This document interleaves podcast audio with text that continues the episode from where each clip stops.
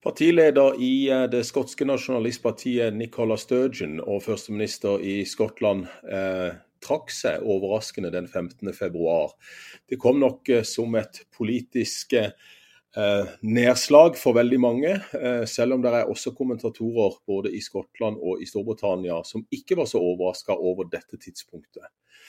Velkommen til denne utgaven av Pod Britannia. I dag skal vi snakke om Nicola Sturgeon, som har vært en bauta i det skotske nasjonalistpartiet og i britisk politikk siden hun overtok tronen i det skotske nasjonalistpartiet i 2014. Hun har sittet lenge ved makten, og det skal vi diskutere i denne utgaven av eh, podden vår. I eh, studio i dag Trine Andersen og Erik Mustad. We shall never surrender. The pride in who we are is not a part of our past. It defines our present and our future. The people of Scotland have spoken. England, Scotland, Wales, Northern Ireland, together, taking us forward, unleashing the potential of the whole country. Order! Ja, Trine, vi har jo vært på årsmøte årsmøtet til det skotske nasjonalistpartiet. Vi har til og med tatt selfie med Nicola Sturgeon. Vi har vært store tilhengere av eh, både hun eh, som eh, politiker, som leder, eh, som førsteminister. Og så fikk vi da denne nyheten eh, i forrige uke, at hun trekker seg som partileder og dermed som førsteminister. Hvor overraskende var det på det? Det kom veldig overraskende på meg, og det som kom like overraskende på meg, faktisk, var at jeg fikk en slags sorgreaksjon. Jeg syns altså det var så trist å, å, se henne stå der, men samtidig så holdt hun jo en veldig god avskjedstale helt annerledes enn det vi har sett fra statsministre utenfor eh, Downing Street. Veldig personlig. Og, men det var jo også, det var kanskje ikke overraskende at hun kom til å trekke seg. Det kunne vi nesten se at det har gått litt i den retningen nå eh, i høst og vår, men at det skulle skje akkurat nå, hun satt jo faktisk i intervju med Laura Kunzberg på BBC en to-tre uker før og sa nei, det er mye igjen i, i, i tanken min her, med referen referanse da til, til, New Zealand sin statsminister, som trakk seg da i, i, januar. Så at det skulle skje så fort, det kom vel som nærmest et eh, politisk jordskjelv, rett og slett. Hva var det i den talen som gjorde sterkest inntrykk på deg i forhold til det hun ga av grunner for at hun nå ønsker å trekke seg tilbake? Nei, det var vel dette, rett og slett det enkle som hun sa, at uh, hun kunne ikke lenger gå på en kafé med venner, hun kunne ikke gå seg en tur aleine. Hun, hun, følte seg vel på en måte veldig invadert, og samtidig så takket hun jo faktisk også det skotske folket, og hun var helt åpen på at uh, det at hennes nå standing, altså personlig rating, er litt på, på vei ned, at det kunne rett og slett stå litt i, i veien for, for eget parti. Og det, jeg syns det var en ganske ærlig avskjedstale hun holdt. Jeg vet ikke om Fikk du hørt den? Du befinner deg fremdeles i USA, så det er litt vanskeligere sånn tids, tidsmessig. Jeg fikk jo ikke sett den direkte, men jeg fikk jo sett den uh, seinere. Og uh, jeg reagerte vel på to ting spesielt. Tidspunktet kan vi komme tilbake til. men jeg reagerte på det personlige, som du allerede var inne på. At hun var ganske personlig, kanskje mer personlig enn det andre politikere er når de holder sin avskjedstale.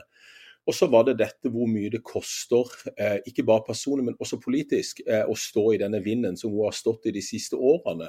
Og kjempa denne kanskje håpløse, sånn som hun oppsummerte det, kampen mot London, uavhengighet, det som er det store spørsmålet i Skottland og i skotsk politikk, og har egentlig vært det eh, spesielt siden brexit i 2016. Og, og den utmattaheten som, som, dette har medført hos henne, og kanskje i deler av det skotske nasjonalistpartiet. For de kjemper denne kampen på daglig basis om å finne et eller annet smutthull hvor de kan overtale London få London til å bøye av når det gjelder dette uavhengighetsspørsmålet.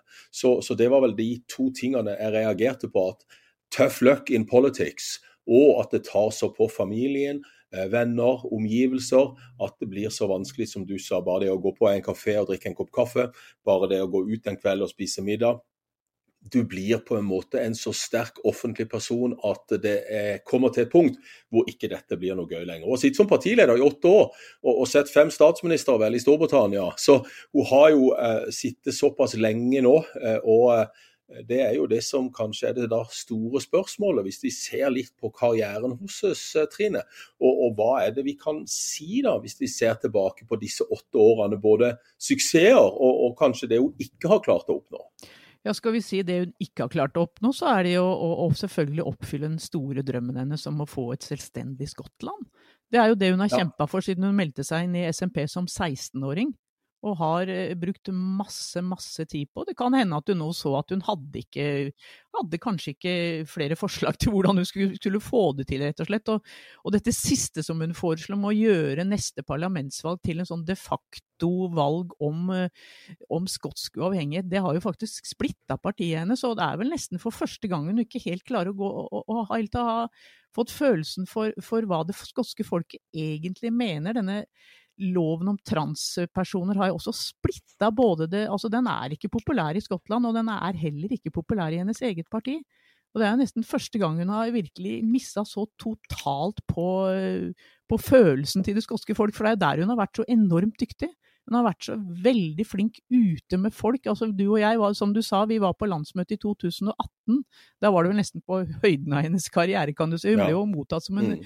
rockestjerne. Gikk rundt og ble, Mm. tok selfier, som du sa. Vi klarte jo også vi å, å, å oppnå, det var jo morsomt. Men, men vi så jo karismaen hennes. Vi så jo denne utstrålingen. Denne, altså hun virka som hun var oppriktig glad i folk. Men det er klart at den, dette at hun ikke har oppnådd mer altså Hun er jo ikke lenger, er jo ikke nærmere skotsk selvstendighet nå enn hun var for åtte år siden. Det er jo en skikkelig Ja. Det kan ikke være en god smak å slutte som førsteminister med, med akkurat det. Nei. Og der er du jo inne på kjernen av dette, eh, kanskje eh, todelt, det du sier nå. Det første at det virker på de personlige meningsmålingene at hun kanskje for første gang er i utakt med folket, og at hun er nærmere eh, den fløyen i partiet som ønsker å jobbe på den måten som hun. Eh, også er det splittelser i partiet. Det er større avstand mellom folket og, og hun. Eh, og, så er det det at hun ikke har oppnådd denne uavhengigheten. Så det at hun både er ikke så populær som hun var, hun er jo enda populær, og det skotske nasjonalistpartiet ligger jo langt foran de andre partiene. Vi må jo minne om det, eh, sånn at ikke vi tror at eh, Labour og de konservative i Skottland på meningsmålinger nå er like store som det skotske nasjonalistpartiet, for det er de jo ikke. Så, så spørsmålet her er jo i, i forhold til sammenligning med seg selv, eh, hvor populær hun var akkurat eh, rundt eh, det landsmøtet vi var på i 2018 og 2019 før pandemien. Og gjennom pandemien så styrte hun jo Skottland med en slags jernhånd og ble veldig veldig populær akkurat da. Og så har det gått nedover etterpå. Eh, Så, så jeg tror det du peker på med de to tingene der, at det er eh, sterkere kontroverser i partiet i forhold til måten man skal gå mot selvstendighet på. Eh, Og så er det da eh, dette at hun er litt mer i utakt med folket nå, og dermed scorer nokså lavt på personlige meningsmålinger. Og det har nok slitt mer på henne enn det hun kanskje var forberedt på, og det kan være noe av grunnen til at vi får denne overraskelsen. Så var det denne loven da, som vi spilte inn en podkast podkast om for noen uker siden, eh, som folk i Norge eh, har vi skjønt er veldig opptatt av. Eh, og, og Kan ikke du si litt om hvordan denne loven også ble vanskelig for SMP? Ja, den ble spesielt vanskelig for Nicola Sturgeon fordi at hun fikk en sak opp i fanget som ble veldig illustrativ for hvordan denne loven kan virke. Det var nemlig en mann som ble dømt for to voldtekter. Og mens han satt i fengsel, så skiftet han kjønn til å bli, å bli kvinne, og han så på seg selv som kvinne da, og ble, ble satt i et kvinnefengsel. Og den, dette her ble jo da en, en vanvittig betent sak for Nicola Sturgeon. Hun ble spurt om gang på gang anser du han for kvinne eller mann. Det kunne hun ikke svare på. Da fomla hun, hun, hun altså, det var, Jeg har aldri sett Nicola Sturgeon så fomlete, så visste ikke helt hva hun skulle si, men hun, hun, sa jo til slutt at han kan ikke sitte i et kvinnefengsel. Og det ble, det ble på en måte en veldig sånn illustrativ en sånn bilde på hvordan, hvor vanskelig den loven egentlig er. Altså Det er jo en lov som sier at du kan skifte kjønn etter, hvis du føler deg som kvinne eller mann etter tre måneder uten noen medisinsk vurdering.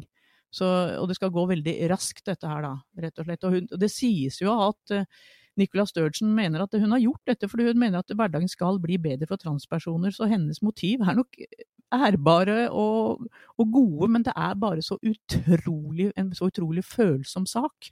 Og den har rett og slett fått rett i trynet, for å si det på godt norsk.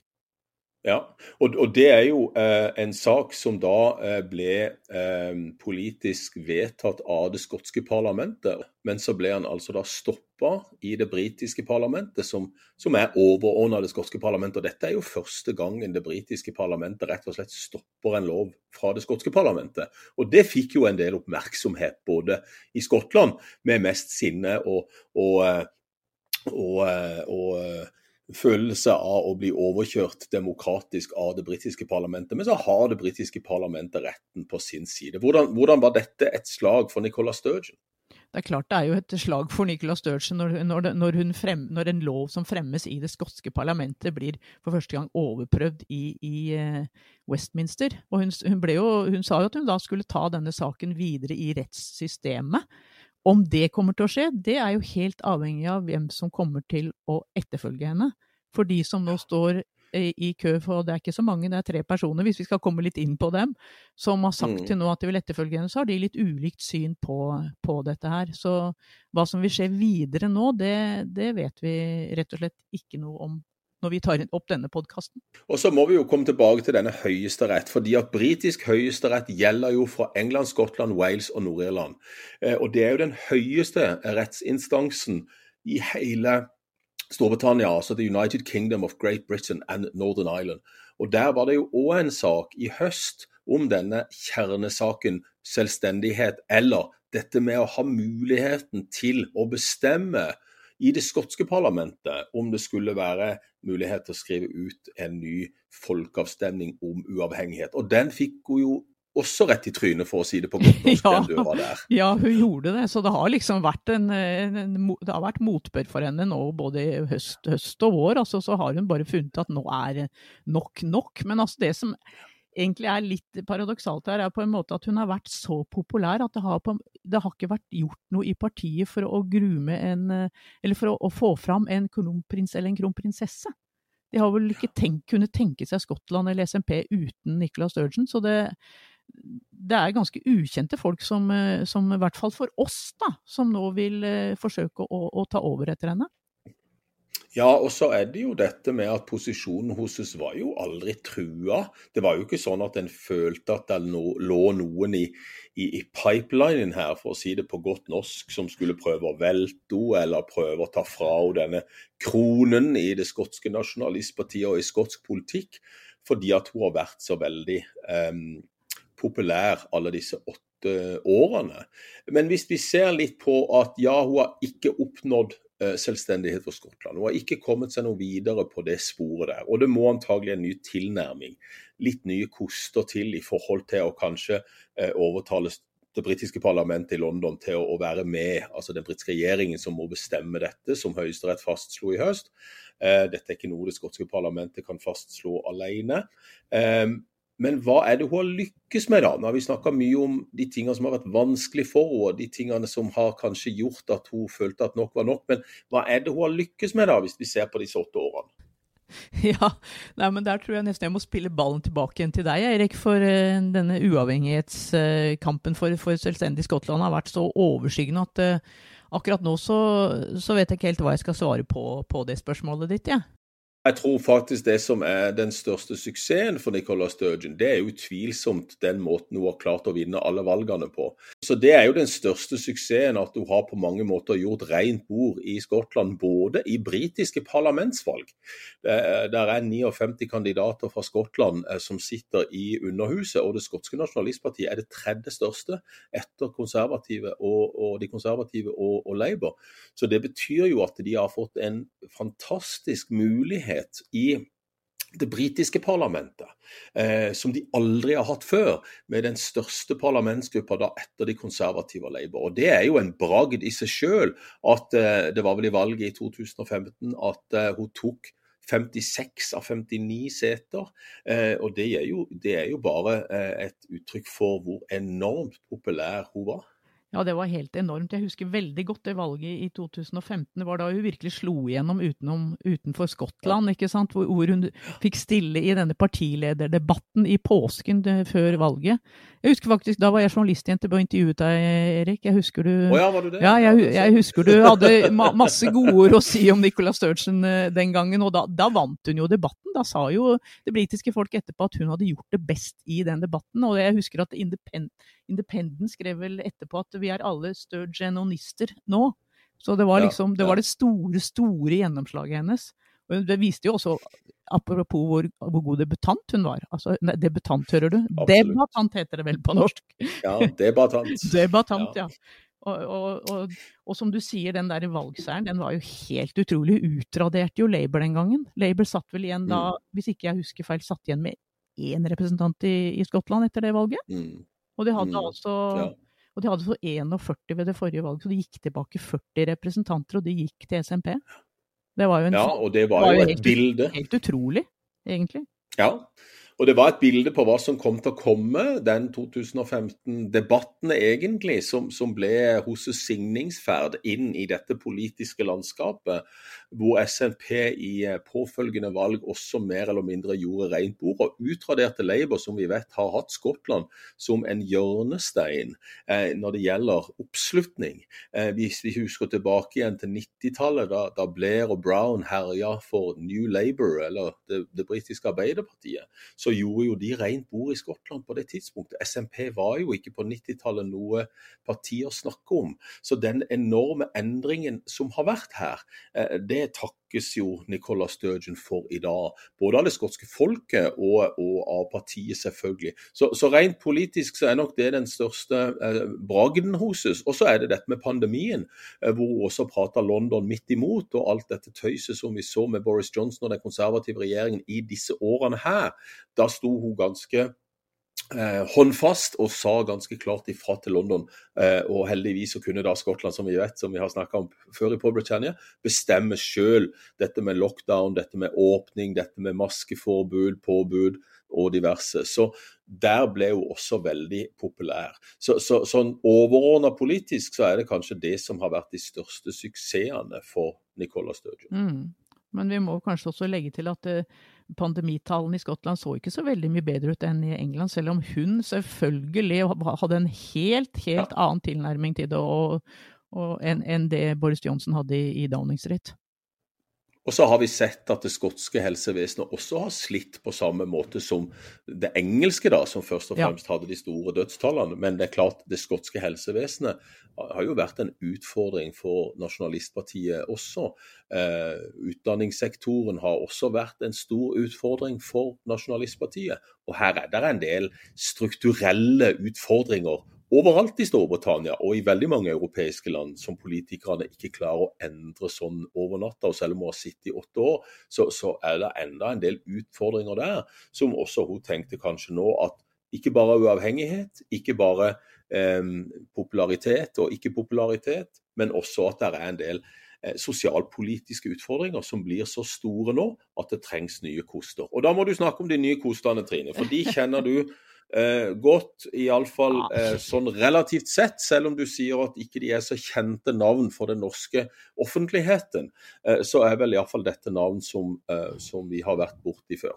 Ja, en som har vært snakket om veldig altså en stund nå, det er, er jo en veldig, den yngste av de kandidatene, 32 år, Kate Forbes, som er da finansminister. Men hun, er, hun har tabba seg litt ut i de siste dagene. Hun er dypt religiøs. Og mm. sa da her at eh, hun ville Dersom hun hadde sittet i det skotske parlamentet i 2014 da loven om likekjønt ekteskap ble vedtatt, så ville hun ha stemt imot det. Og det er mange i SMP nå som sier at uh, vi kan ikke velge henne. Hun har mistet masse støtte de siste dagene på, på grunn av det, og hun ble spurt, det hørte jeg i går, i, i, om hun uh, kom til å trekke seg. Så sa hun i hvert fall ikke foreløpig, så vi får se hva som skjer de, de neste dagene. Men hun er eh, som sagt religiøs, og hun er også, sier også hun, ikke, hun er nå ute i svangerskapspermisjon, har en liten datter på seks måneder. Så hun var ikke til stede i desember og stemte da denne loven om trans transpersoner ble vedtatt, men hun sier at den, den vil hun ha stemt imot. Så hvis hun blir valgt, så får vi se hva som skjer med, med den loven. Kanskje hun bare, bare godtar det, den overprøvingen som Westminster har gjort. Og så er det altså helseministeren, eh, siden vi snakker om helse i, i, i Skottland. Han har et veldig ja. vanskelig navn. Jeg tror kanskje det uttales Hamza Yousaf.